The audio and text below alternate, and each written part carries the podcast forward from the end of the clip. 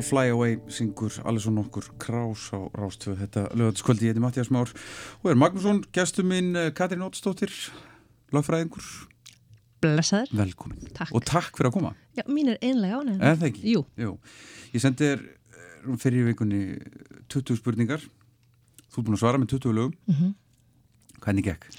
ég tók þetta á tillöpunu og svona eins og þegar maður vill komast í getum skapl á oflillum bíl þá svona, og svo kemur maður í gegn og ég, þetta eru lögin en ég var einmitt að hugsa maður hefði kannski gert betur, lagst yfir þetta og, og svona tekið smá þrá ekki á þetta en ég gerði það ekki Setti þetta í Excel heldur bara svona let ég það sem fyrst kom í hugan uh, detta á blaðið og ég held að það sé ágæti sleiði líka Já, það ekki Jú, jú.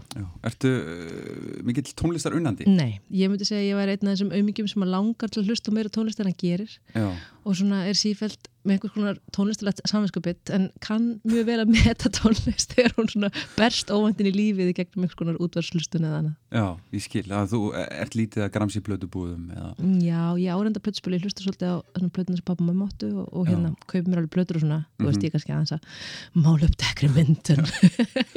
En auðvitað er en ég hérna Ég er, ég er að vinna í þessu, ég get sagt Já. það, ég get, ég get komið inn að það þegar ég útskýri fyrir þér eitt svarið á eftir Já. og útskýri fyrir þér hvernig þetta stendur til bóta. Er það, það vínillin sem að kveikta aftur á músíkinni? Hann er svolítið að Já, gera er það, sko, jú, jú, jú. Vínillir, og svo, það er ekstrímið, það er vínillir annars vegar og svo Spotify hins vegar, það er Já. svona bæði að gera nógu auðvelt og að gera nógu gott. Já, veist, þetta er svona tvælið til þess að endurvekja eh, kannski lungunum til að hlusta. Mm Þú vildi byrja á þessu lagi með Alison Krauss, I'll Fly Away. Mm Af hverju? Þetta er bara frábært lag og mér finnst eiginlega fleiri útastættir eftir að byrja á þessu frábæra lagi. Það er eitthvað bæði svo gleðilegt og samt svo dramatist, sko, í raun og textin og lagi er, er dramatist og svo er ég það er djöfusis gospel dolgur í mér ef maður má blóta í mm. útarspunum ég finnst svona tónlist mjög skemmtileg og ég man ég heyrði þetta lag fyrst í hérna Brother Where Art Thou myndinni eins og örgulega margir. Og ég hef svona sett á ymsa playlista í mínu lífi síðan. Ég kemst bara í gott skap. Já, og ég hugsa kannski þá okkur aðri gera það líka og þess vegna verið tilvalið að- slengja þessu fram.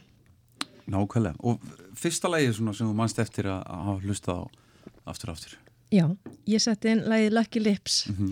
Þannig, ég átti náttúrulega, er það einhvers konar græjur svona eins og fólk gerir eftir eldri sískinni sín Mhm. og var að taka upp á spólur, þú veist, þú taka á milli spóla, þú veist, það eru tvö, tvö spólutæki og svo var að taka á milli. Og einu sinni var ég svo heppin að ég var svona mm, kannski 7-8 ára og þá kom svona rockabili þáttur ykkur í útvarpinu. Já, og, og svona eitthvað Elvis og ég hefði ekkert heyrt af þessu áður, ekkert. Ég var bara alltaf hérna, með einhverjum kommunískum fóröldrum mínum að hlusta á einhverja fornalda tónlist og, og, og ljóð á plötum.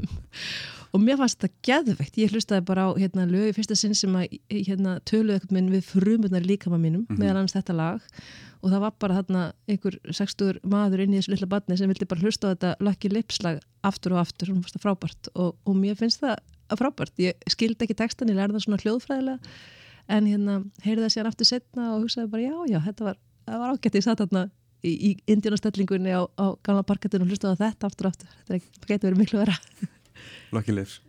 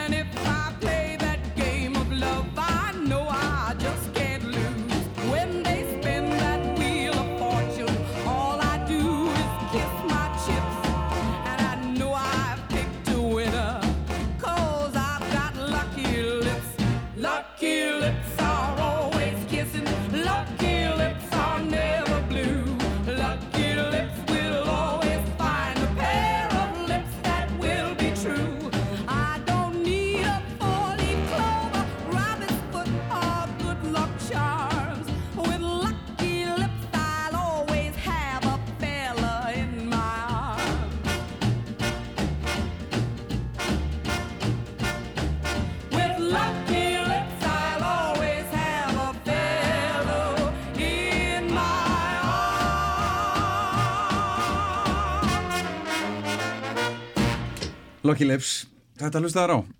Aftur og aftur, þetta er skemmtilegt lag. Þetta er þetta er svona það er svona einhvern veginn alveg, það meikar alveg sens að hérna að, að, þetta tali til unga barna. Já, að þetta er svo, hérna, einmitt, þetta er svona, þetta er svo einfalt og aðgengilegt Mhm.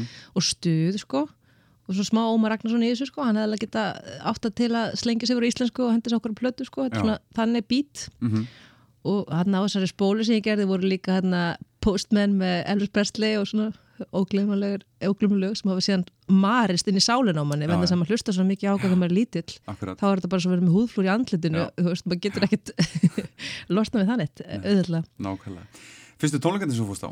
Já, fyrstu tónleikarnir sem ég man eftir að fara á, ég verður að fara á fullt með pappa og mömmu, en fyrstu sem ég man eftir voru svona úlingatónleikar.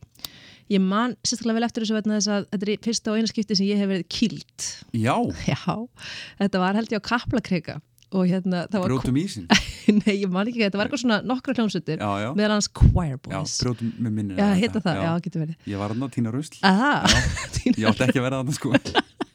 Nei, auðvitað ekki tína rust heldur. Nei, já, þetta var sko, ég var æga fókbalta með FH og Já. þetta var svona eitthvað svona sjálfbóðastar sem Já. að yngri flokkarnir þurfti að að gera. Í rauninni alveg með ólíkindum að því að ég að, sá hluti þarna sem að, held ég, ég man ekki hvað ég verið 7-8 ára gammal Já, átti ekkert að sjá sko. nei, nei, auðvitað meðal hans þegar ég var kýlt. Kannski. Þetta var ekki mjög fast, ég veit ekki það, en það var hann einhver stór dramatísk, einhver vandræða stúlka sem vildi næla sér í sopa af einhvers konar áfengisblöndu sem ég hefði með miklum klækindum smiklað þarna inn Já, cirka 15 ára gömul já, vandræðálingur sem ég var og þá hérna þá sagði ég náttúrulega nei því þetta var náttúrulega gulls í gildi. Þetta verið svona seltserflösku þetta er svona lítirsflöskur ég var búin að líma innsikli niður aftur allt og ótrúlega bara setja fjóru drópa landa og var alkerlingi sko. Já, ég sagði nei, það gengur ekki, því ég sá að hún myndi aldrei skilja sér flösku aftur, Já, það var bara þannig glamp í augunum á henni og hún leitt bara vaða þá kýldi mig Og hvað gerir þú? ég fór bara að grenja eitthvað, ég maður ekki og Já. vinið mínu svona eitthvað hópust í kringum mig og, og upp úr þessu spannst eitthvað svona fyrirtags úlingadrama sem alltaf algjörlega þess virði því það er það sem maður lifi fyrir á þessum árum sko. og svo bara, ég, ég held þetta sem ganga og þetta var alltaf læg, skilur já, mér finnst það bara svo fyndið, þetta var svo fyndið að lendi í þessu, ég, og ég, þetta satt ekki dýmir eða rétt, þetta er bara þetta er bara þess að ég myndi þetta þessu lægi, að því Mhm. við hlustuðum mikið á þetta fyrir og eftir tónleikana og fannst þessi hljónsett vera mjög góð. Ég veit ekki alveg hvað varð um þessa hljónsett, ég var bara mest hissa þegar ég googlaði þetta, þetta var ennþá bara aðgengilegt á öldum allinsins já, einmitt, þarna voru GCD og eitthvað, þetta var rosa, þetta var rosalegt sko, já. þetta var alveg þetta var alveg þess fyrir að taka eitt högg sko. I don't love you anymore, Quiet Boys. When I see her just this morning see how the child might be. She sat there smoking all my cigarettes at a table set for three. I could have cried, I could have cried when she said, Oh, I don't love. I was slain and shown the door. in a room here anymore. Please don't look to me for help. All the pain is with yourself. All the blame is with yourself. So I went to see my friends. Try to turn to them for help. But all that any of them said You gotta look out for yourself. I could have cried, I could have cried. She said, I don't love you anymore. I was and the door. Ain't no room here anymore. Please don't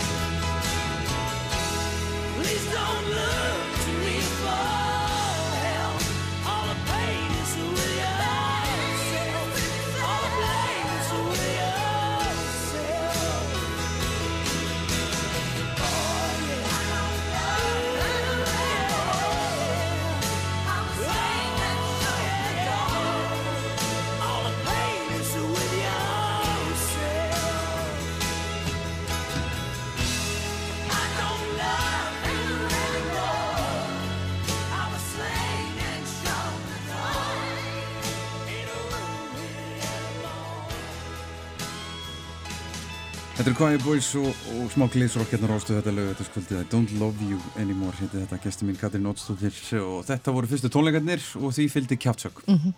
eins og sagði frá hérna á hann. Býtum við, hvert eru við nú komin? Já, við erum komin í, eh, já, fóreldrina Hvar er hérna, hvar ólstu? Ég ólst upp í Vesturbænum. Já, uh, hjá fóreldrum sem voru miklir, mikil hugsun á fólk mm voru hérna æðislega og eru eða voru og eru. Já, og hérna og það var svona mikil pólitík alltaf minni heimili alltaf verið að, að græja ykkur fundabóð og alltaf ykkur fundir og, og hérna við vorum svona batnaþrælar í raun að setja ykkur frímerki og brjóta saman eitthvað dót og nú, nú. græja ykkur, ykkur vör mamma var stofna kvennalistan á okkur tífumpunti og þau voru í alls konar fríðarsamtökum og Já, býtu, hvar eru fóreldrar þínir? þau heita, eh, pappi minn er látin hann heit Dóttur Bendisson og mamma heitir Hólfríður R. Já, hendar heila blófall fyrir nokkrum árum þannig að hún er ekki alveg á nótunum en, en hún er hérna stórkosleg og þau bæði algjörinn mistarar og hérna þannig að, að eh, það var ekkit rosa mikið alltaf verið að hlusta tónlist heima það var alltaf vel að vera uh, svona eitthvað að tala. Já, við erum náttúrulega sex sískinni þannig að það voru rosa læti þetta er svona svo brautastöð. Og svo er hérna, svo er húsið okkar eftir þannig sem ég elst upp í að það sækir anga ógislega mikið af fólki. Þannig að það er alveg default að það er alltaf svona tíma á sveðinu bara félagsheimili. Já, og þar, að leiðir sko þá sit ég aldrei einhver staðar og sökkum mér honi einhverja tónlist. En ég Já. man alltaf eftir því samt að hérna að pappa og mamma elskuðu og sérstaklega mamma Haug Mortens. Já, þar mættustu, pappi var lærði í bandaríkjónum og var með rosa einnkjölan svona bluegrass eh, jazz stíla tónlist sem hann elskaði sko, rosa mikið blues og þannig. Og mamma fílaði eitthvað bara allt annað sko. En þarna einhvern veginn vegna mættustu sko. Og voru alltaf glöð þegar að Haugu kom í útvarpið. Já, og eh, ég hlusti á þetta svona lítil ekstar með þetta í bakgrunni kannski og svo fekk ég þennan disk þegar ég var svona tvítu hann þennan mhm, og mér finnst hann æðislegur. Mér finnst sko, mér finnst hann það góður að ég hef oft hugsað að ef ég ætti að velja svona eina tónleika sem ég myndi fara á, kemur það kannski eftir ja. þá hérna myndi ég vilja fara bara einhvers staðar, mamma sagði mér frá tónleiku sem hún fór á með Hauki Mortens í skíaskálum í hverjadölum vá. Og hann er minn bara í essinu sínu bara 40 manns á tónleikunum allir að dansa, þú veist, svona, svona af virðingu við dansskóli þannig að allir komupst skilur Já, og reykur í loftinu og eitthvað, menn, ég, veist, ég sé bara fyrir mér þetta sé algjörlega geðvegt, mér finnst hann vera svona hann er svo mikil góðsögn og eitthvað, menn, hans saga og þessi rödd og, og hans stöðdægi hann sko, eitthvað, mér finnst hann svona hafi fórnað sér eiginlega, deyr og lúnakrabba meina að þess að hafa nokkuð tíma reykt sjálfur. Já. bara búin að vera á öllum þessum skemmtunum að eitthvað, menn, miðla þessari indistu tónlist, ég, ég fíla hann mjög vel. Í, í miklum reik Já. Hlustum á Haug Þú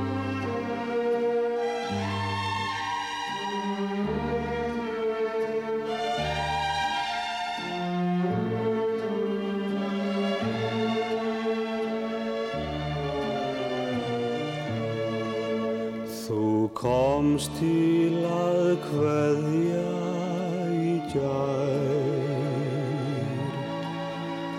Þú kvattir og allt varð svo hljóm Á glugganum frostrósin grær. Ég gat ekkert sofið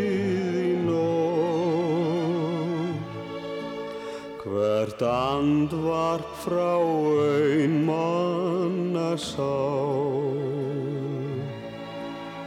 Hvert orð sem var myndaðan hljóm Nú greinist sem gatt fröðið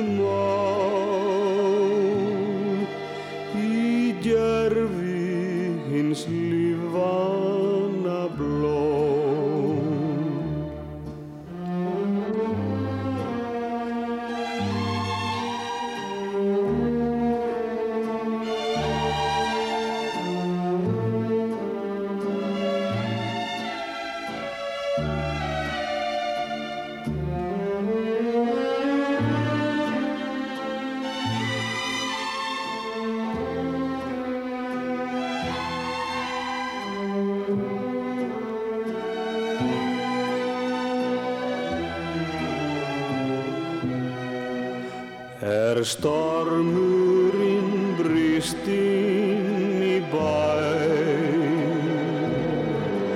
Með brimni frá klettóttri strönd. en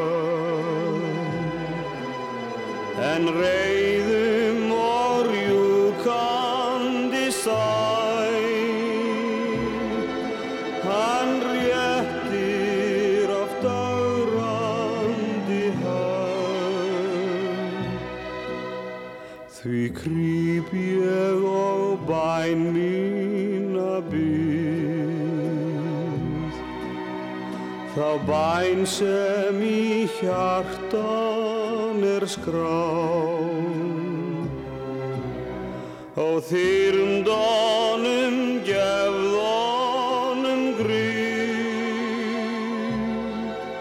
hver gæti mér orð þessi lág? Fróstrósir Haukum Mortens, ótrúlegur magnaður. Hann er, eh, er, hvenær lesta, mannstu það, hvað ár? Nei, en ég man hann spilaði brúðköpunni hjá bróðum minnum sem átti 25 ára brúðsamlega daginn þannig að það var stuttu setna dóan þannig að það er svona 20, kannski 4 Akkurat, já. Herru, næst er það Sakbyrna Sælan, lægið sem hún sagðir yngum að það er gaman af Já, Katrín. þetta er pínumandræðalegt af því að þegar ég sagði ráðan ég hefði gert þetta í miklum flýti Já. þá var ég ekki að ljúa, Já, aldrei svo vant. Og þá var ég að, ég held að þetta væri svona svona torture youth lægið, Mhm. lægið sem að þú ert með nittislega hlusta á ég sko, ég veit nú ekki alveg hvernig þetta er að misklita en ég valdi og ég skal bara standa með því ég get alveg haft gaman af þessu uh, sólega kvæði sem er svona einhver stór furðuleg plata sem byggir á kvæðum Jóhannes og Köllum þetta er pappa má hlusta þetta. Og þetta er bara, ég meina, þetta er bara mannskemmand að hlusta á þetta þetta er svo skeri, þetta er eitthvað um það um hernámið eða eitthvað áleikandur, allt í einhverjum myndlíkingum og það er einhver marbandit sem er eitthvað að reyna að ná einhverjum og þú veist, ég var bara ógeðslega hrætt eitthvað strótt í hotni að hlusta á þetta og þau alveg að sveifla sér eða vagga sér við þetta eins og þetta verið stórkostlegt. En, en þetta er svona lög sem að- síðan ég mann þegar ég kynntist konu minn og ég leiði henni að heyra að blöðu hún var bara fast að hlusta þetta og slítil, er eitthvað að þér? Þetta er- verður frekar, hart efni, ég veit ekki um ég veit ekki alveg hvort ég myndi láta dóttu mína hlusta á þetta mikið fyrir fermingaldurinn að þetta er bara svona Þú lítið verið í djúran og aha og eitthvað svo leiðis Jú, svo komum við kannski svona aðeins setna en þetta var bara uh, svona frumberskar mótunar árinu þau fóru, fóru illa. Eða mjög vel. Hlustum á þetta. Já. Þetta er ekkit bannað en að 16 eða? Jú, þetta er harpan sko.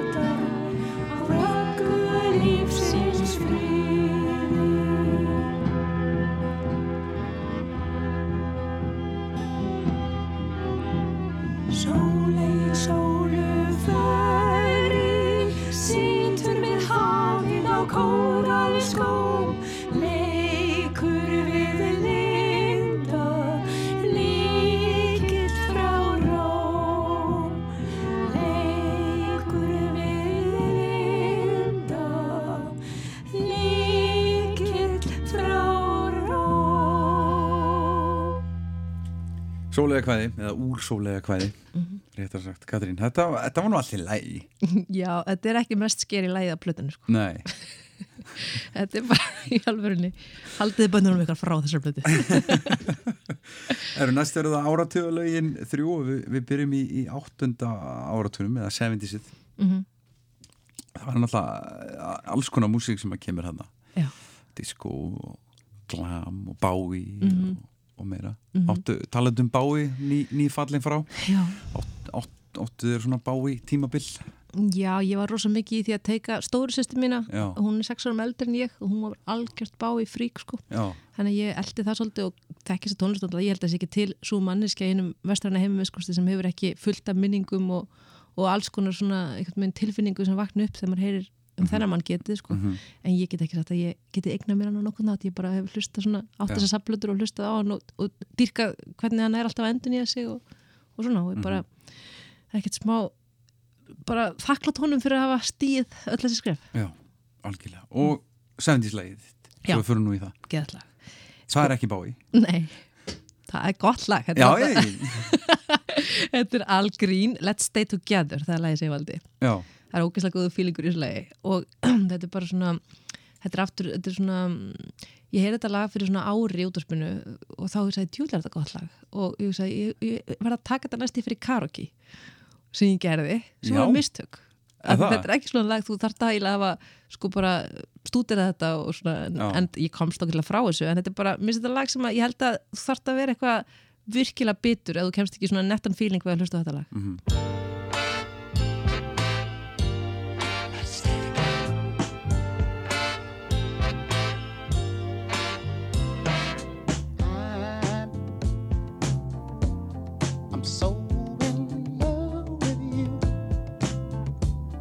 but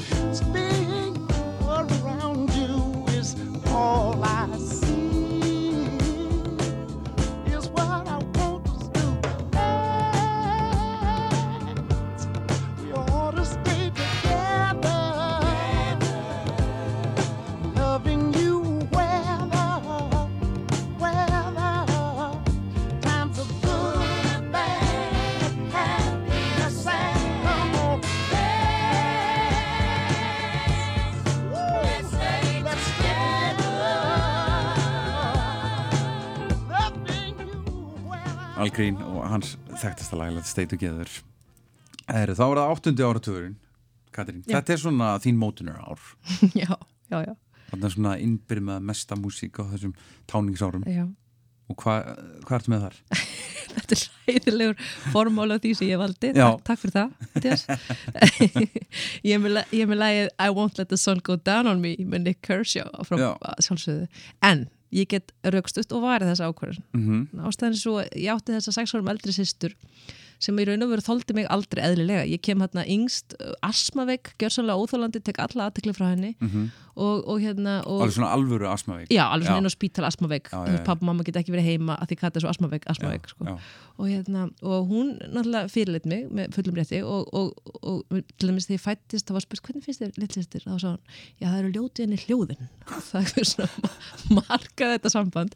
En síðan varð hún náttúrulega massíf gelgi og þegar ég er svona 6 ára þá er hún 12 og þá eru bræði mínur eitthvað stríðinni sem fyrr. Og hún kleipir eitthvað svona grátandinn á klósetti eða hvort og læsi sig inni og ég man í vorkindin og ég fór á eftir henni og byrjaði svona að segja henni brandara undir hurðina þú veist svona, veist hvað hapfyrringur gerði.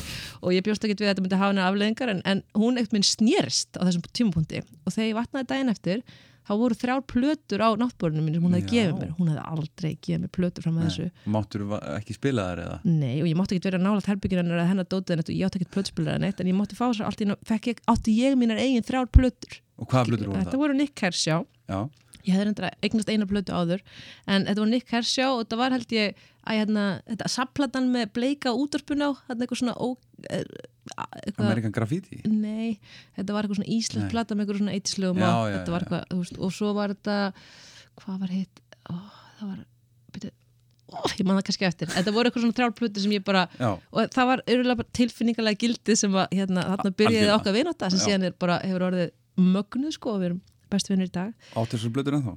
Já, það er eitthvað stað, sko, ég myndi aldrei henda þeim, Nei. en það er eitthvað stað djúpt á þeim, sko, ég segi ekki, ég sé, ég sé að spila Nick alla daga, Nei, en, nei, en þetta var, hérna, og þetta lag fannst mér vera, sko, að því ég átt heyrt þetta svona óma frá herbygginu hennar og lokaði náttúrulega, mm og þannig að ég hugsaði bara, wow, þarna, þú veist, er hlutin að gerast, bæði er ég plötuegandi sem náttúrulega stórkostlegt og hún gaf mér þetta, það var ótrúlega. hlustum á Nick Kershaw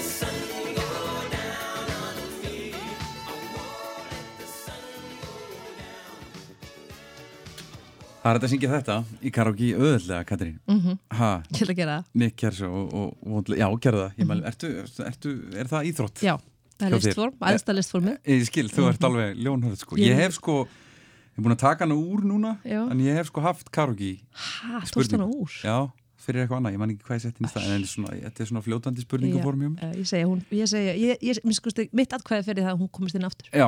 og það, því hefur þú svarað með Bohemia Rhapsody, Já, það er svona mitt signature song. Er Ógerlegt að syngja það og Já. þess vegna er svo fyndið. eins og allt sem Freddie Mercury Já, já, en þess að maður, fer all in og fólk byrjar svona að vorkja manni fyrst og svo svona pínu halda með manni Mhm. og það gerist eitthvað stórkoslegt. Já, og þá er það nýjundu áratugurinn. Já, nýjöndu áratugurinn. Nei, tíundi fyrirgeðu, Já. 90-sið. Já, nændisið, já. Þetta er ó, ótrúlega erfitt að læra þessa nýjöndi áratugur reglu í íslensku málfari. Já, Ekki? jú, Níundi- ég skil ekki, ekki er dag, af hverju? Af hverju? Af hverju? Af hverju? það Hefur ekki. einhvern tíma til að spila trivjál eða bessi eitthvað án þess að fara alltaf í gegnum það fyrst þegar þú fær spurninguna hva, á hvaða Já, áratug ok, Já. fjö- 40 eitthvað þá, það Já. er 50 Já. Þetta er óþálandi Já. það þarf mörður, mörður að þú ert að hlusta það þarf að breyta þessu. Já, ég er eiginlega alveg sammálaðir, sko. Ég hef alveg þurft að, sko, ég hef fengið svör tilbaka, mm, með vittlisu Já, já, já, ég skil það bara mjög vel. Já, en Já, ég- tíundi áratugurinn. Já, ég valdi hérna Remember Me með Blue Boy. Það var fyrsta lagi sem kom bara í hausin á mér. Já. aðferðafræðin sem ég er að beita eins og fram hefur komið. Og þetta er bara sjúkla fyndi lag fyrst og fremst, þetta er, þú veist bara algjör drugg, þetta lag. En mér finnst það samt symbolisar ágætlega delluna sem var í gangi í tónlistar heiminum bara á þessum tíma. Já, eh, og ég get í raun fátt meir um þetta sagt. Ég á bara eitthvað að finna minningar við að vera eitthvað ykkur fíling að hlusta þetta. Og hérna, og þessi djúpi textur náttúrulega sem nærmanni, þetta er viðlag. Já, það er, já, það er, það er, þetta er hörð ádela. Þetta er hörð ádela, þannig að sjáum við allar byrtingamöndir lífsins í einu lagi.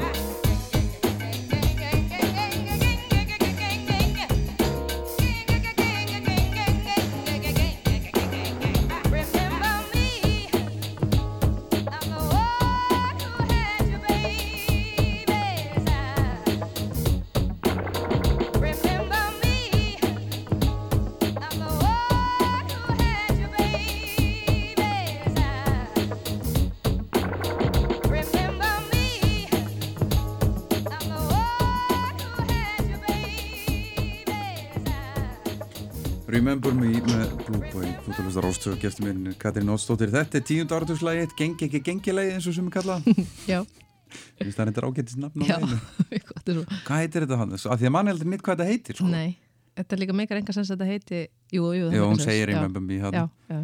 En e, sá listamæður eða svo hljómsveit sem væri til í að sjá á, á tónleikum Mm, ég valdi hérna mm, ég neða, lag með þeirri hljómsveit Já. Ég valdi Louis Armstrong hérna og, og Wonderful World lagið. Mhm. það er rosalega klísja, það verður að segja en ég bara, ég elska þetta. Já. þetta er bæði svo ótrúlega fallegu bóðskapur í svo lagi og svo Mhm. fálug til um akkurat þessa tilfinningu. Þegar maður svona er að labba ykkur stöðar og heimurinn er nett fullkomin og maður man að vera þakkláttu fyrir það það gerir svo sjaldan, maður er eiginlega alltaf með að sikta út hvar glasi gæti mögulega að vera hálftómt og alltaf sjaldan að hugsa hvað maður er heppin og hvað maður er stórkslega heppin til þess að fæsta þessu landi en ekki ykkur stríðsröðu landi að bara allt sé í lægi sirka bát, þú veist, að við séum bara komist fram úr rúminu, þú veist, að við eigum nú og þetta lag minn er þannig lag þú veist, að hann situr ykkur stóra bekk og horfir á okkur að vini heilsast og segja how do you do, en þeir eru raun að segja ég elska þeim, mm -hmm. þetta er svo flott og ég bara dyrka bóðskapin í þessu lagi og ég var alltaf ótrúlega glöð þegar það kemur. Þannig ég hefði viljað sjá þennan mikla meistara sem að Louis Armstrong er, flytja lagið held með Ellu Fitzgerald sér við hlið bara svona til þess að vera gráðug. Og svo lokaði bæði augunum veist og komast í geðugan feeling og veist það er bara fáir hann inn einhvern megin og þetta væri styrla, þetta er það sem ég myndi vilja upplifa. Þú vildir Ellu Fitzgerald útgáfana Nei, ég myndi vilja hafa þau saman. Þetta Já. hefur ekki verið gert, það hefði Já. þurft að gerast áður en þau kvöttu að þau myndu taka þetta lag saman. Mm. það hefur ekki, þetta tók náttúrulega ýmslög saman þetta hefði ég vilja heyra þau. Ég veit ekki til þess að þau hefur gert það Nei, ekki sko. En þú getur kannski fundið það eða til. Kanski Hlustum á, á Louis samt. Mhm.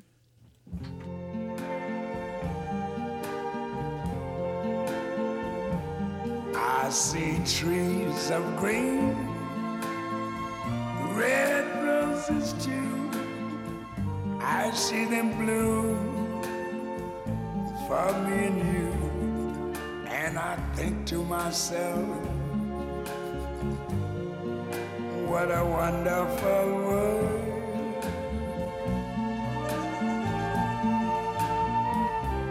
I see skies of blue and clouds of white, the bright blessed day, the dark sacred night, and I think to myself, what a wonderful world.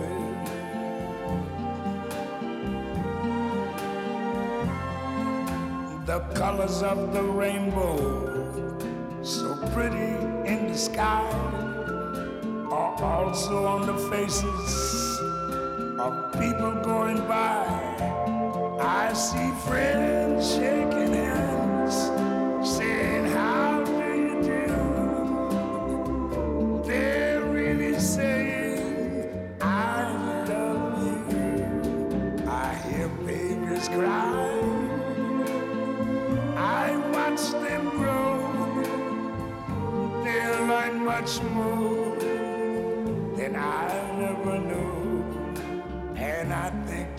myself, what a wonderful world. Yes, I think to myself, what a wonderful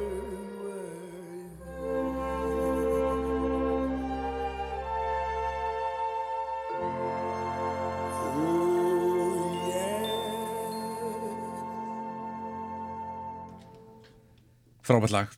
Mhm. Og já, þetta er, þetta er einhvern veginn Það komast allir í góðskap Mhm. Til að heyra þetta lag. Það er bara þannig. En uh, Katrín, áframöldu við. Já. Fyrsta platan. Já, sem ég kefti mig sjálf. Já, Já, þetta er sko hjálpum þeim hef ég skrifað hana. Já, svo manni núna þetta var nefnilega þetta var hræðilegt atvök ég, ég hérna kefti mér þessa plötu. Ég hef búin að sjá þessa auðlýsingu náttúrulega og svona, tók þátt í hæpinu. Mhm, ég man ekki alveg hvað ég guðum, kannski svona 7-8 eða eitthvað svona og svo fekk ég, þú veist, leiði til að fara að kaupa hana og var ógislega glöð og svo fekk ég hana líka í jólagjöf frá Gunni Frænk hérna. Og það var eitthvað ekki hægt að skipta í 8-2 Já, þetta fyrir 8 ára sál er þetta náttúrulega áfall sem er erfitt að, að hérna, vinna úr. En, en ég er samt sko hérna, á enga í dag, ég skil ekki alveg. Nei, þessa plötu getur þú fundið uh, í öllum góðu hyrðum já, og kólabortinu í öllum plöturekkum. Hún er til í Já, það er bara mín eintök. Allá, já. Þannig að ef, ef þú vilt eignast hana aftur Já, þá ég, er það óskublítið mál. ég held ég mun ekki leggja á mig langt ferðalag fyrir Nei. hana en ég hins vegar, ég hætti að fíla þetta ég fíla þetta stöf mm uh, þetta er svona ákveðin tegund af einhverju svona æ, svona fallegum vestrænum svona hjálpar sveitarhróka sem að, þú veist, nærum manni alveg þegar maður er í mómentinu og þetta mjög köfugt og allt það en samt svona en mér er bara svo gaman að við eigum eitt svona lag með öllum, þú veist, okkar þáverandi hetjum svona eins og eru til öll þessi lög. Eins og Band-Aid til nákvæmlega. sem að, já ef maður hlustar á með aðeins öðrum glerugum þá er það doldið svona skelfulegt, sko. algjörlega skelfulegt en hérna, maður bara leggur þau gleru rólega frá sér aftur og hlusta bara á lægið og rættirnar og... að því að lagið er gott sko. Já, já, algjörlega, frábært og þetta lag líka, mér finnst þetta, mér finnst þetta gott lag. Mhm. uh, og hérna, ég myndi ekki ég, ég byrst afsökunar að sé að vera að spila akkurat núna eftir svona jólin á einhvern lögati, þetta er ekki það sem við þurfum en, en þetta er bara samt held ég, eða svona sannleikanum sanga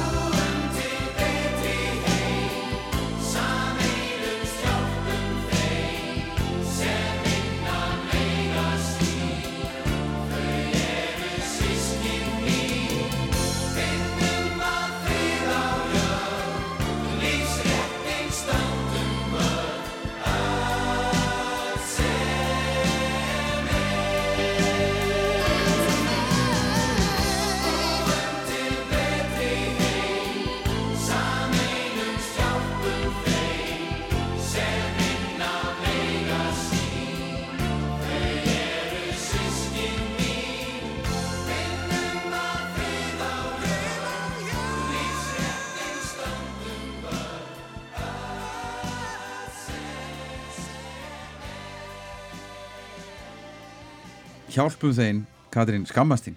Ég er að skammast mér núna. Nei, nei, nei, nei. Jú, Það má alveg heyrast á og til. Já, En uh, hérna, platan sem þú far aldrei leið á? Já.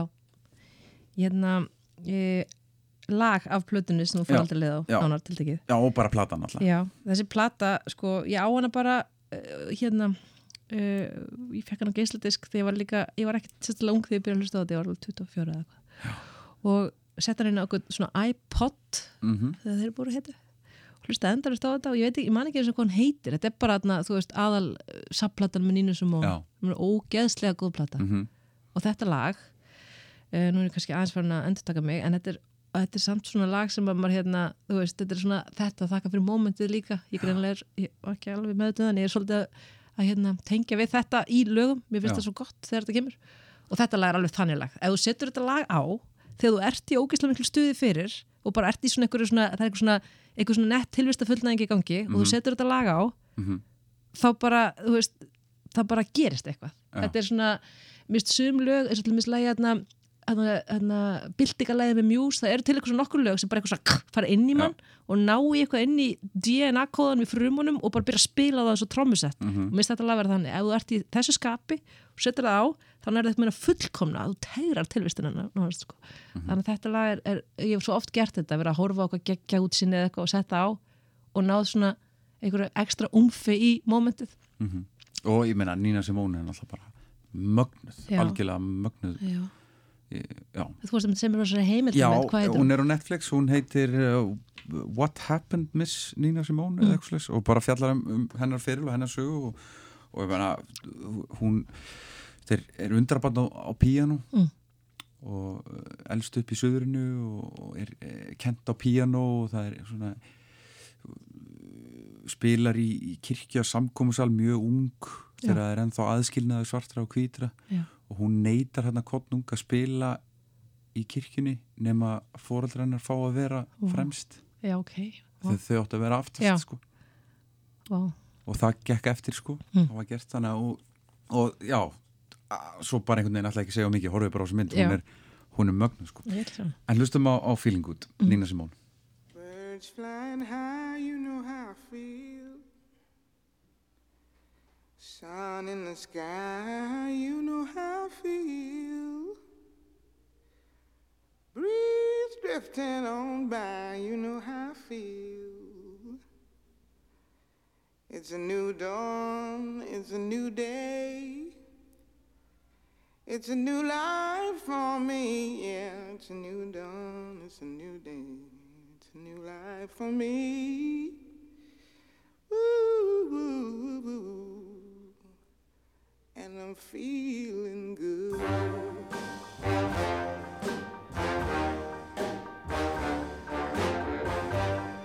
Fish in the sea, you know how I feel river running free. You know how I feel. Blossom on the tree. You know how I feel. It's a new dawn. It's a new day. It's a new life for me, and I'm feeling good.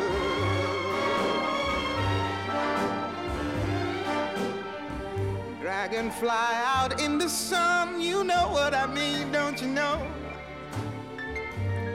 Butterflies all having fun, you know what I mean.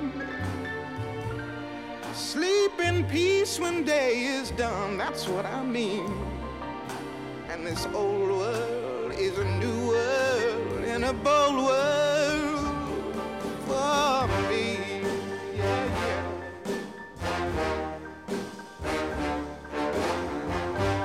Stars, when you shine, you know how I feel. Scent of the pine,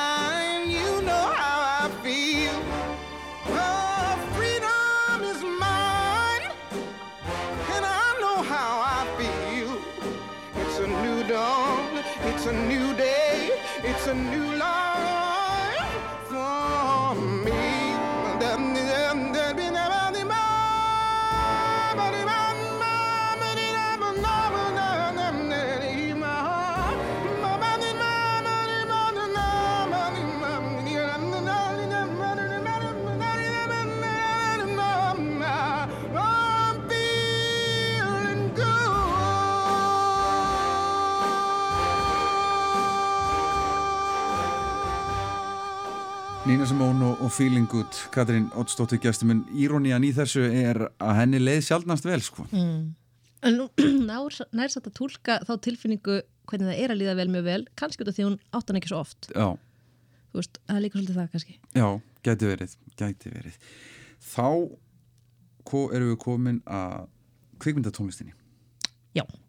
Uh, í ljósið þess að ég er að vinna með svona first thought, best thought aðferðafræði, þar sem fyrst sem kemur í hugan. sem að er rétt aðferðafræði við listagerð þegar kemur á tónlist Já, af því að það er ekkert eins og uh, uppáhalds 70s lagið þitt nei, það er ekkert eitt, Nei, það nákvæmlega. eru kannski svona 30 Já, einmitt. eða eitthvað Og að þú fer hann ekki upp með Já. þeirra þá lendur þú bara eitthvað staðar, uh, já, í litlu innilókuðu bólsturuðu rými. Já, og tapa þeir sko Já.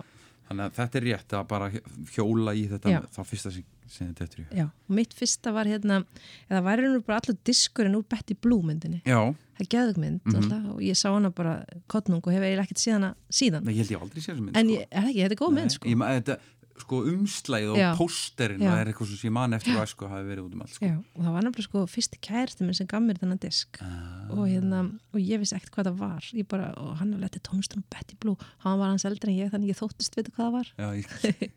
Og svo hlustaði ég á þetta og bara fyrst bara vákvæmtskviti þetta er harmoníku tónlist og alls konar mm þú veist, þetta er ekki hérna, nei, nei, ég er hér eh, þú veist, táningur og hvað á ég gera þetta. En svo þegar maður hlustaði á þetta oftar þá er þetta bara svo frábær svona túrkunatónlist Já. og svo sem að myndina og þá er ógislega gaman að hafa hlusta mjög oft á diskin áður því þá er maður bara, já, svona er hægt að myndgera þetta því að mann fannst þér að lægi vera sko storyboardið Já. og myndin mátti síðan skreita diskin eða þannig, en, en svo náttúrulega en þetta er bara svona hérna, flott lög og það er gaman að hlusta á disk. Ég mælu með að fólk takir sér tíma til þess af því að þetta er svona frönsk kvikmyndavika náttúrulega í uh, fullu svingið þegar þessi þáttur er spilaður og við hérna ættum að, að huga því að það er þriðja stærsta kvikmyndaserinn í heiminum og geðvika myndi sem þaðan koma. Já.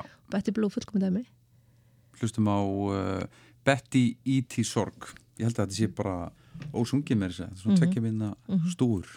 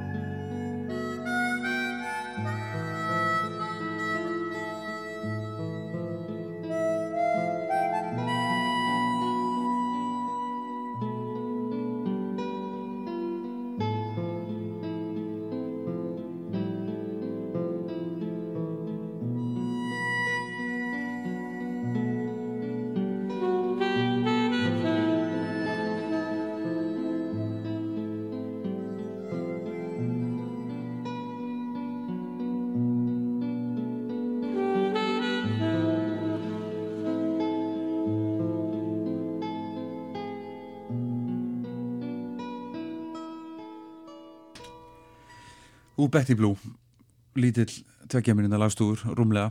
Katrín, þetta var hugulegt Já, Ég þarf að sjá þessa mynd, já, ég hef gaman af fransku myndum. Mhm.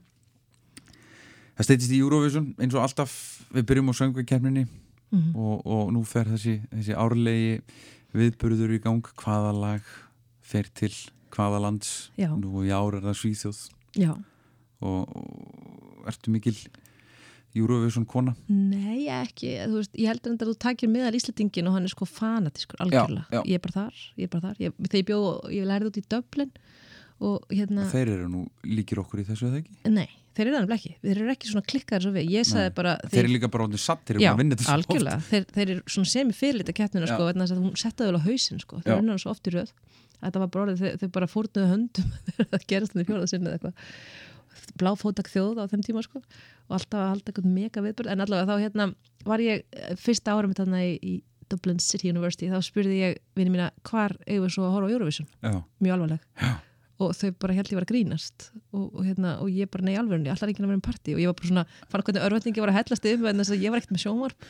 Og þú veist, það var enginn að fara að taka hana bolta og ég bara, þú veist, bara fekk fyrir hjartað, þannig ég gerði svona neyðarraðstöfun og ringdi út alla þá Íslandika sem ég þekkti þarna. Já, og bjóti Eurovision partí og bauði síðan ísku vinnu mínum og þau föttuðu hvað þetta var ógeðslega gaman af því þau voru bara búin að í alvörunni vera í ykkur svona afneitun hvort Eurovision og svona þú veist og við vorum með allt þetta þú veist ef, að- ef að það var áttundar hækkun þá tókstu skot og allan pakkan skilur og þetta hefur bara viðhaldist í mínum írska vinahóp eftir að, að við gerðum þetta þarna árið 1998 eða eitthvað Já, þá er það. ennþá þau halda alltaf Eurovision partí og eru ennþá áriðin skrítin á Írlandi. Já með, Þannig að- og með þessa keppni. Já, Vindvél, skot. Algjörlega, Já. þannig að þetta er hérna, að þetta er nú sko svarið mitt, ég er ekki mikil júlu sem kona á íslenska mælikvarða en fanatísk á alþjóðlegan mælikvarða. Já, ég skil. Mhm. Og lagið sem þú valdir, Já, ég tók uh, Johnny Logan bara til þess að kemur ekki á óvart. Nei.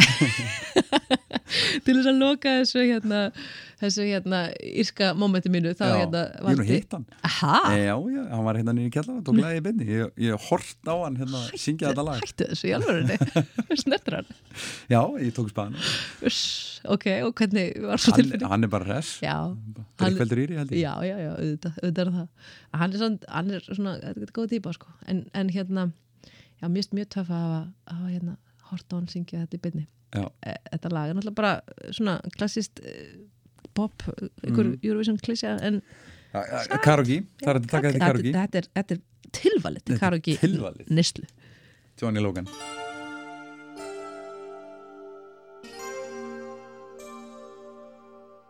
Don't, don't close your heart to how you feel. Dream, and don't be afraid the dream's not real. Close your eyes, pretend it's just the two of us again. Make believe this moment's here to stay. Touch, touch me the way you used to do. I know tonight could be all I'll have with you. From now on, you'll be with someone else instead of me. So tonight, let's fill this memory for the last time.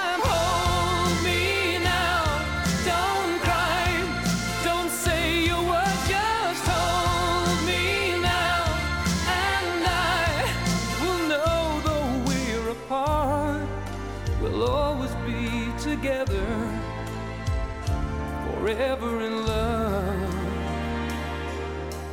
What do you say when words are not enough?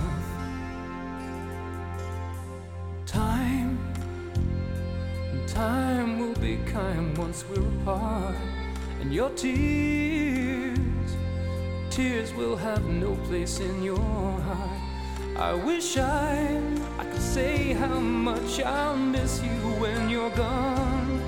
How my love for you will go on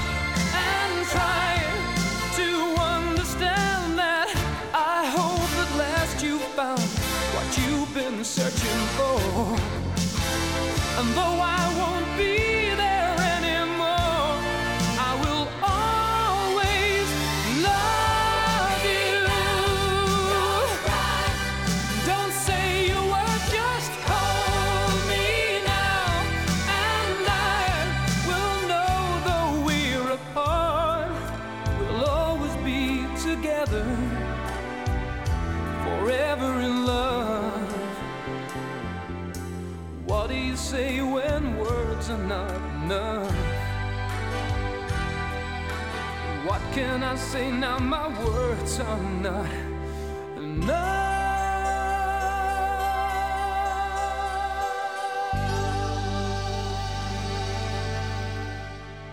Johnny Logan, Hold Me Now þetta er eitt af þessum svona stóru, stóru Eurovision-lögum og, og heyriður þetta oft þegar bjóst í Dublin? Nei, veistu, í alvörinu, ég er ekkert að grínast með það þeir voru með algjörst Eurovision óþól já. voru bara reið út í keppninu sko. Ég, hérna, ég, ég skil það Þannig að þau voru, þetta, mann var, var líft sko, leiti, það var ég sem var að eh, tróða þessu upp á þau meira heldur en nokkuð annað sko. Já. En uppáhalds íslenska lagið þitt? Já, þarna veldi ég sveiti milli sanda. Já, Elli Já. Já. Mér finnst það bara gott og mér finnst það, uh, na, það eiginlega uh, veitir svör við þeirri spurningu af hverju einfallleikin er oft svo mikilvægur. Mhm. Þegar maður er búin að vera með eitthvað svona sprengjur og stöðinu lókan Mhm. Og mann þykir kannski sem ég væntu fólki sem getur verið að hlusta, þá setjum maður svona lagan á milli. Sveiti milli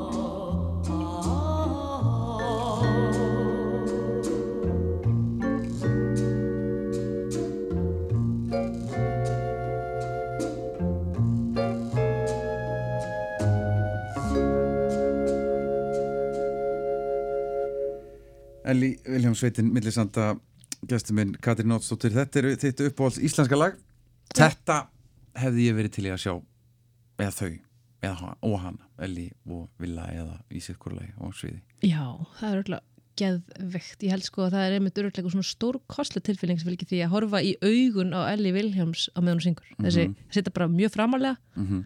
og sjá bara þessi brúnu fallegu augu tólka þetta sem hún er að gera er algjörlega stórkostlegt. algjörlega uh, Föstaslægið þitt Mhm. hvað hlustar á á föstagi eftir vinnu, vikan búin? Mm, ég, hérna hef ég sett niður I Love the Nightlife já, með Alicia Bridges Já. en aftur, ég get raukstuð já, ég, ef einhver myndi bara lesa hann lista myndi hugsa bara þetta er tímamóta steik ég ger mig greið fyrir því en ég var bara að velja lögin sem heiðalega komu. Já, já. og þetta lag nefnilega sko, þegar ég var svona 11 ára það eignaðist við videotæki við fjölskyldan eða 12 kannski, og við fórum að taka upp allt sem við gátum og, og meðal hans tókum við frábæra vampýrumynd, pappi hefði mikið áhuga á vampýrum og við tókum upp frábæra vampýrumynd sem heit Ástu fyrsta bit eða Love at first bite, svona algjör sémynd svona grín vampýrumynd Já, já, já. nema hvað þetta var bara svona köld í fjölskyldunum við byrjum að dyrka þessa mynd, við Já. horfðum á hana bara aftur og aftur og aftur svona tvið svona sama kvöldið. Og í þessari mynd sem er stórkusleg og ég hef reynd að neyða konunum minn til að horfa oftar en einu sinni en það hefur ekki tekist þar er atriði þar sem að, vampýran er að dansa við aðal konuna þú veist svona vampýru ástardansegun og þetta lægar undir og þetta er bara atriði kvikmyndasögunar, það er ótrúlegt að þetta skal ekki vera bara á öllum listum við bara besta sem hefur gerst fyrir framar kameruna að þetta er bara geðvegt. Og hérna þau dansa þarna einhvern hægan dans svona, veist, allir er að dansa disco en þau eru að dansa svona einhvern vals inn í miðinni og meðan er Alicia Bridges að syngja þetta Please don't talk about our love tonight. Þetta er bara geðvegt. Og þetta hefur bara haft svona slík mótandi áhrif á mig ég kemst í gott skapið að hlusta á þetta. Og hvað sagði þessi mynd héti? Ást við fyrsta bit, love at first bite. Kynnið ykkur hana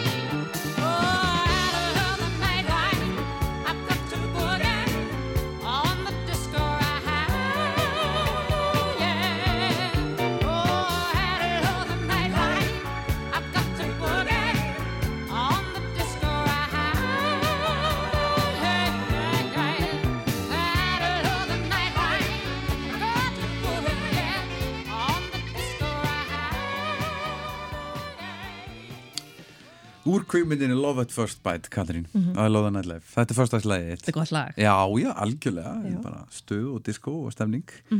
Um, Þetta, já ég þarf að horfa á þessu mynd, sko. Þú verður að sjá svona Augljóslega, er þetta svona er þetta svona farsagrín?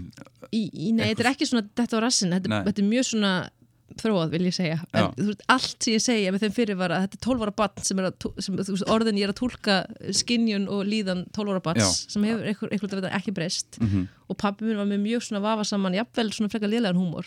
Og við tvö bonduðum mest yfir þessu þannig að ég, ég kannski ekki að segja fólki að hætti vinnunni til að fara að horfa á þessum nei, en hún er góð. Já, og þetta moment þegar þau eru að dansa þarna skal enginn segja mér að hann sé ósnortin þegar hann horfir á þau þarna, í valsinum á diskogólfinu, enginn En ákveður hlustar á ferðalögum? Eh, ég hlusta mjög mikið á hérna svona íslenska tónlist eh, sem er ógeðslega skrítið og kannski kleysilegt en mér finnst bara oft eins og tónlistin okkar og náttúran sé bara sikkur einhvern veginn hliðin á sama penningnum Já, og til dæmis hlutir eins og ég valdi hérna Sólumun skína með Rökkuró ég og, og hérna, konum við fórum einu sinni ringin og hlustuðum endarast á þennan disk og hann passar ótrúlega vel við íslenska náttúru og, og margar af þessum hérna, frábæri lögstum stundum skil ég ekki. Getur þú útskipt fyrir mér, nú ert þú svona tónlistarkóru hvernig getur þetta verið? Allar þessar frábæru ljónsættir á þessu litla landi. Útskýrðu, tónlistaskólanir. já, og akkur er þá að vera að svelta þá? Þú veist hvernig, þú veist þetta er bara heimskulega sér hirt Já, nú þarf þetta að börja herri herra en mig. já, en er þetta bara þeir? Sko, um, já, nei, ekki bara.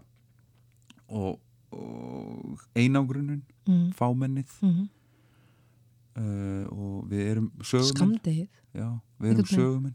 já, Íslendingar eru, uh, við segjum sögur. Já, en mér finnst þetta mjög sko tölfræðilega út í hött vegna Já. þess að, að hérna og þetta er, Líka, sko, nálægðin við hvort annað Mhm. hef ég uh, breskur kollegi minn komið Já. þá útskýringu út af smaður og sagði að um, þú getur stopnað hljósast á Íslandi á mánudegi, haldið tónleika á föstu degi Mhm. og eh, daginn eftir tónleikana myndur þú vita hvort þú væri með eitthvað í höndunum eða ekki. Já, já, já, ég skil.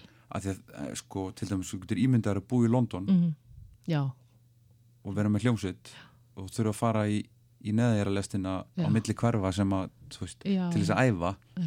Og svo að- komar á framfæri og þú veist, allir að reyna það Já, og, já, já, já, og það er það er góð kenning.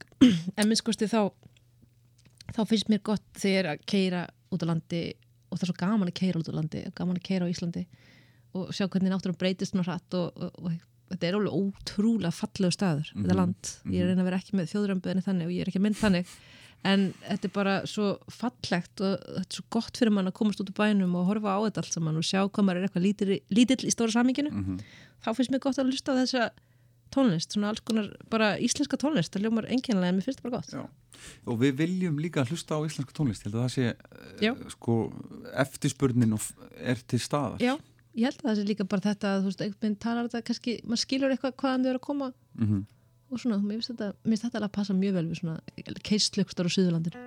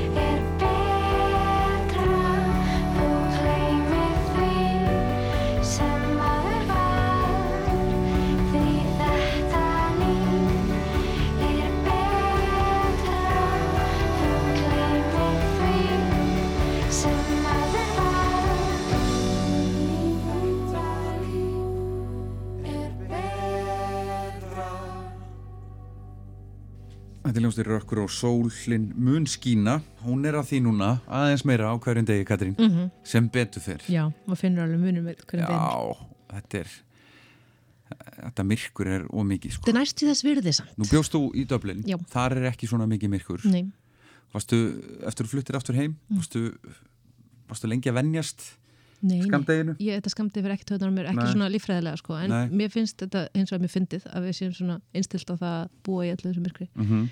En mér finnst það í alvörunni liggur við þess virði þegar sem voru kemur og svo sumarið. Þetta er svo, maður verður svo trillingslega glaður eins og svona lítið kálfdýr Já. að, að það eiginlega, sko, maður spyrir hvort er betra að vera alltaf í ykkur svona venjulegu ágætt veðri, þú veist, og hafa það þá bara þannig og pæla ekkert í veðrinu. Já, eða vera svo við með fullkona þrá ekki fyrir því uh og vera annarkort í öfgunum sem eru bara, þú getur ekki fundið meiri byrtu og meiri sumar heldur en Íslands Já. sumaröfnir og svo getur ekki fundið meiri vetur og dimm heldur en Ílska vetur. Ég fíla þessar öfgar, ég, ég geri það. Já, en ég kenni brjóstið þeirra sem að, ha- þetta hefur áhrif á og ég veit að þetta er, þetta er, þetta er drullu erfitt náttúrulega. Já Ég held sko að þessar blessaðar önduðisúlur hafi skóla hér á land um hásuma sko. Það er alveg sko hafi verið snúið við á punktinum sko ef þetta hefði gerst í janúar. Ég veit að voru seint á komist þér ekki ísilagt alla samið bara allt umkring Þetta hefði verið rosa fínt hérna í tvo mánuði sko. Já. En ég meina, allir ekki til Grænlands eða hvað Jú, örglega sko. Jú, var það ekki þannig. Ég held- ekki.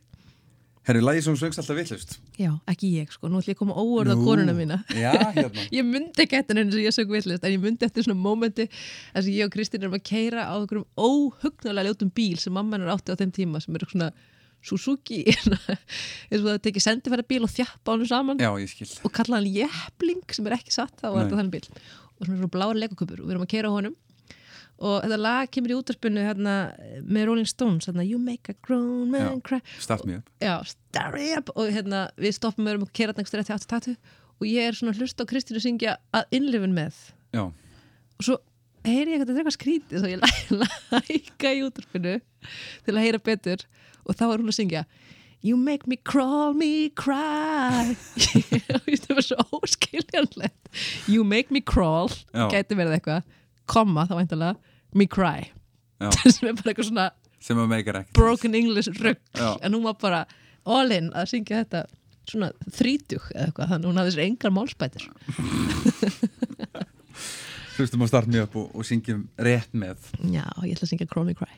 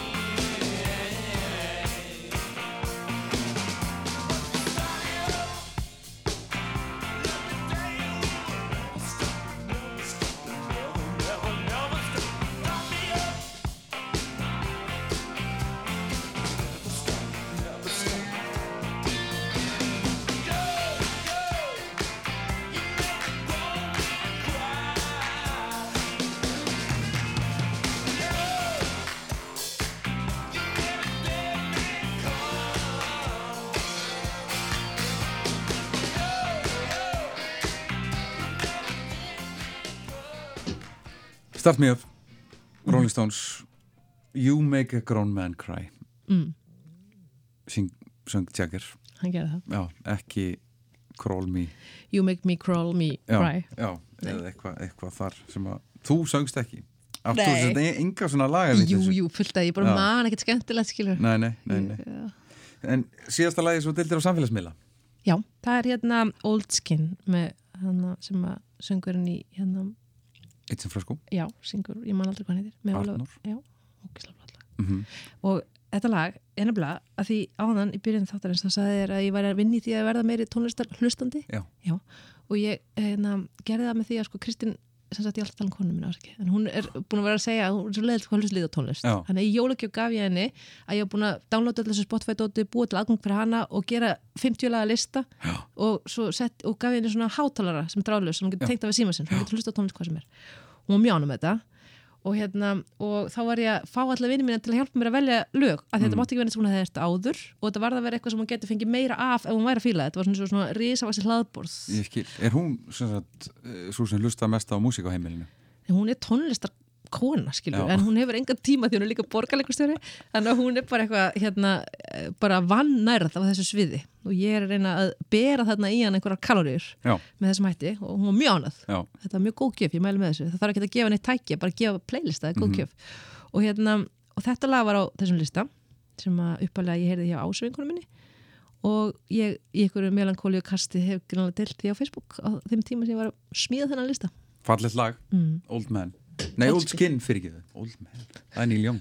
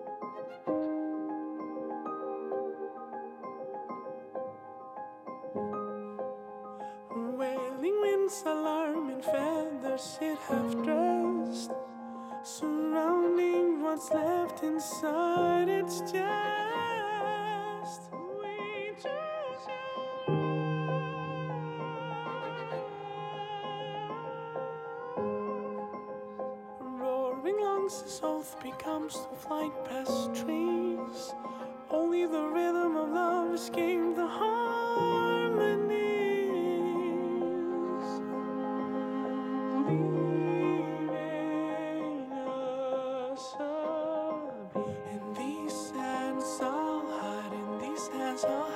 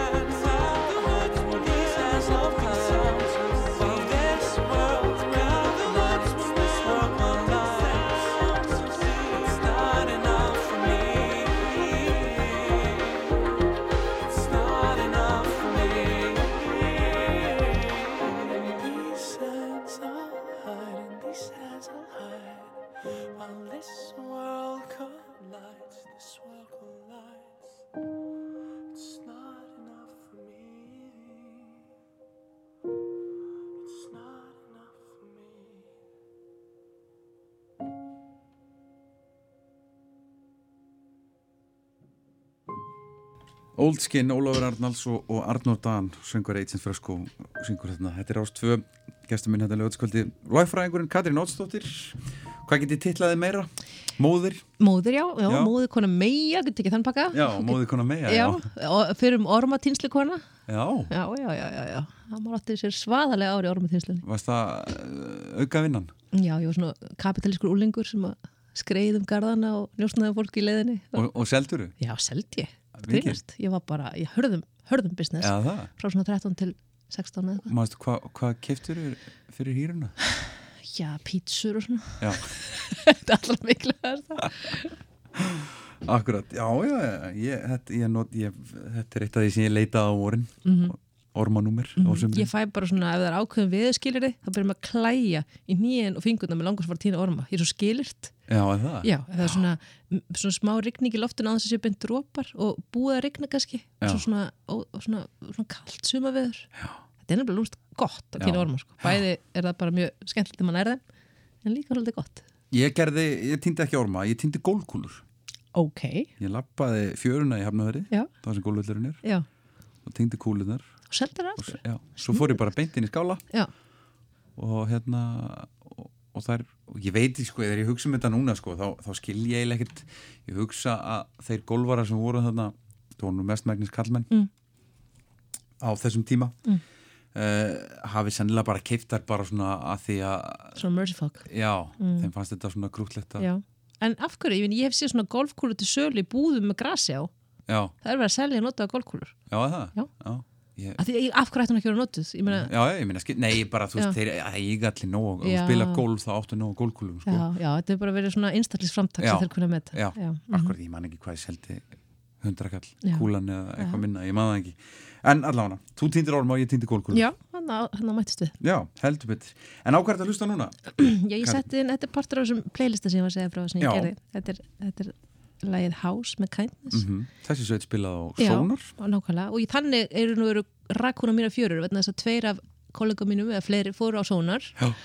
og einn þeirra, Fríðrik Ársælsson sem er mikill fámaður, hann hérna hjálpaði mig mjög mikið við að gera playlista, hann er svona tónlistarunandi og matar með eitthvað svona óttans segir það bara. og hann hérna Er það með matablokk? nei, en hann ætti þannig að vera, hann er eitthvað frá að opna matarverslun já, já. Þannig að hann er að taka þetta mjög langt. En hann hérna, hann e, bent mér á þetta lag. Og mér fannst það fyrstu hlustun gott og svo er það betra og betra. Já, Kindness og Lagi House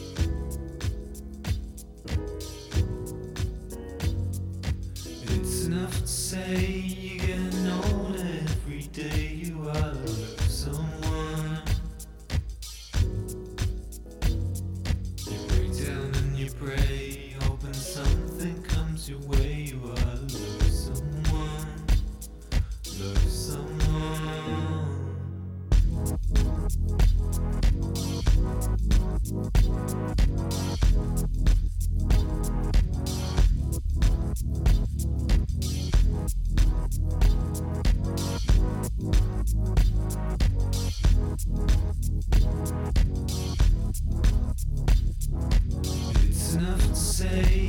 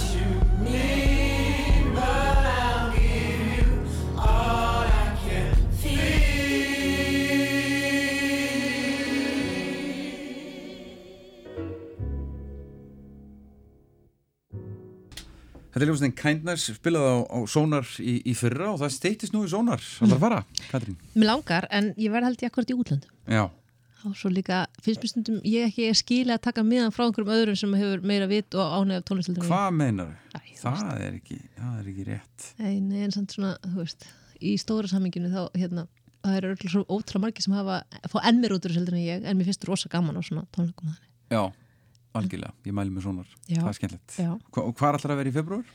Í februar verði ég ekstra í bandaríkjunum að tala um stjórnlarað. Já, einhver stað Princeton University. Princeton, það er eitthvað rosa flott reynda, það er eitthvað, eitthvað svona fullt af eitthvað stjórnmálafræðingum er búin að búa til eitthvað net og bara rosa nöfn, svona nóbisvöluna hafa og eitthvað. Og og, og ég ég veit með Karuki Nei, og, hérna, og þeir eru að reyna að finna út hvernig hægt sé að stemma stigum við hlínun jarðar og ætla að reyna að búa til svona einhvern rosalega sáttmála um það fyrir alla jörðina sem verður crowdsourceraður eins og íslenska stjórnarskráin eða í svipum pælingum.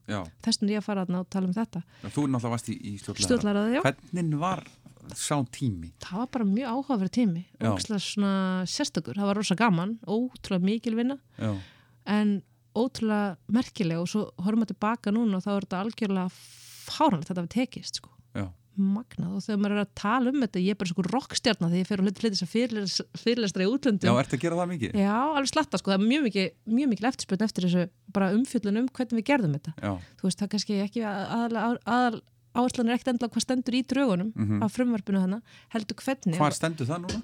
þetta er bara skúfu alþingis. Já, þannig að náði ég rétt svo ekki að blóta stóru skúfu Já, alþingis. það er eitthvað stjórnarskrá nefnd sem er stjórnarskrá nefnd með svona 500 sem Já. er að fara yfir það hvort að hún ætti kannski að hendin einhverjum breytingum á einhverjum fimm ákvæðum í þessari ömulegu, gömlu, úræltu dönsku stjórnarskrá sem erum búin að vera með frá 1944 Mhm. og þetta gengur ekki.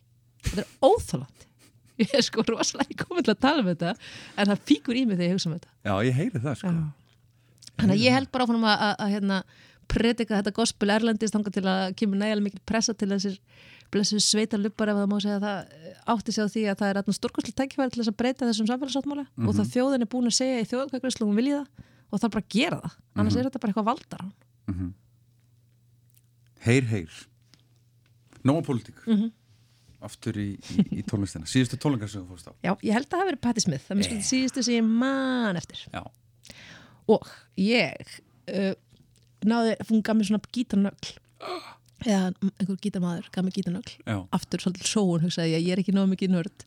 Þannig að ég fór fram og fann hann Andrew Jóns uppáhaldið mitt Já. og gaf henni nöglina, hún var helsátt hún sagði ég týna aldrei neinu, þetta Nei, er mjög gott. það er reyndar alveg Já. nema glera hún sínum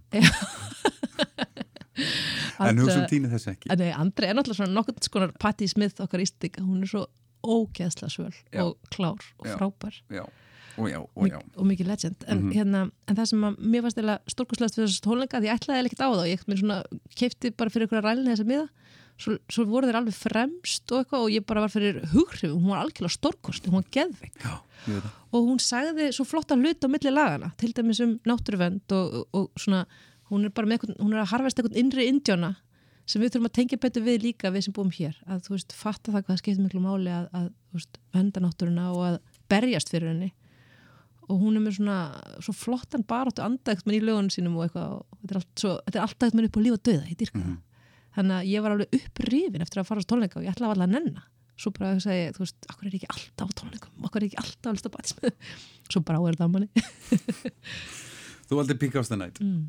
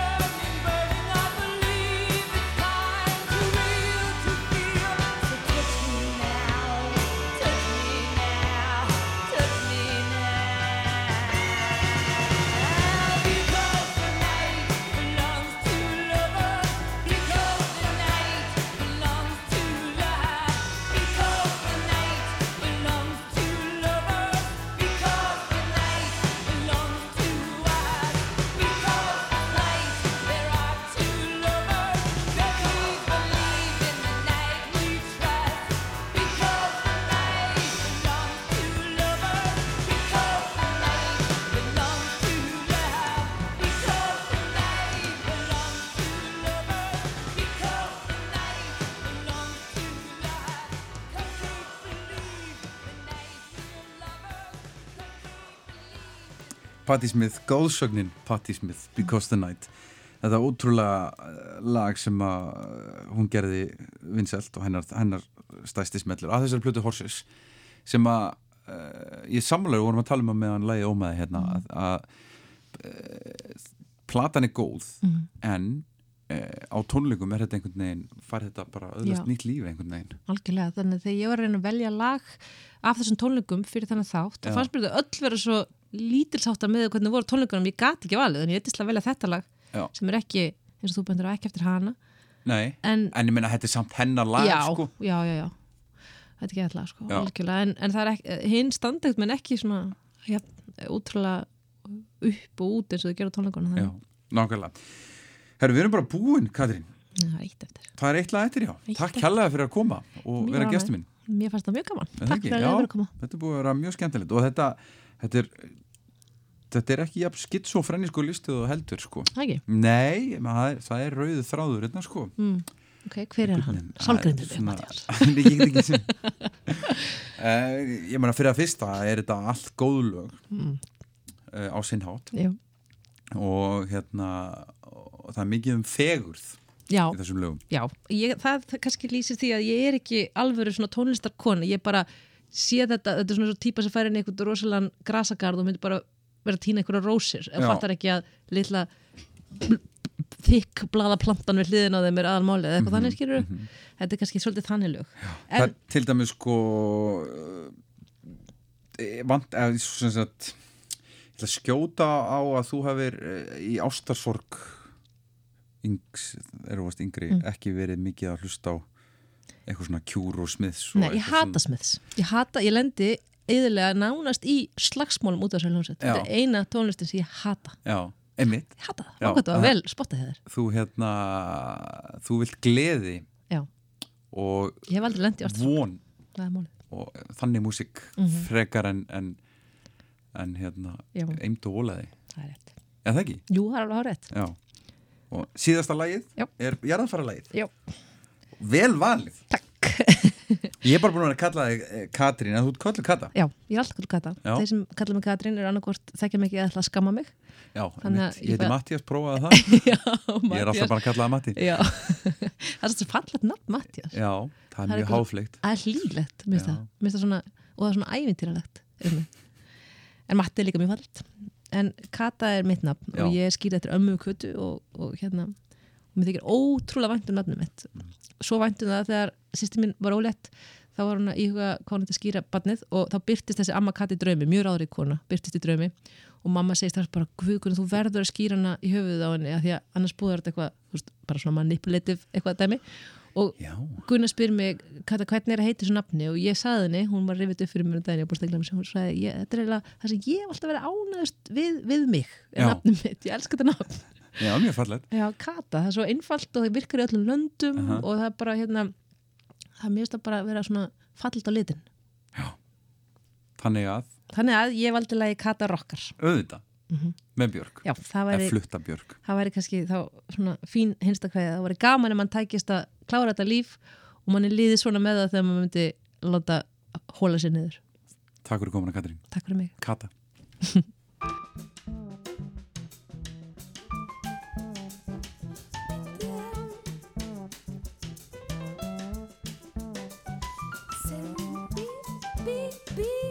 Hefur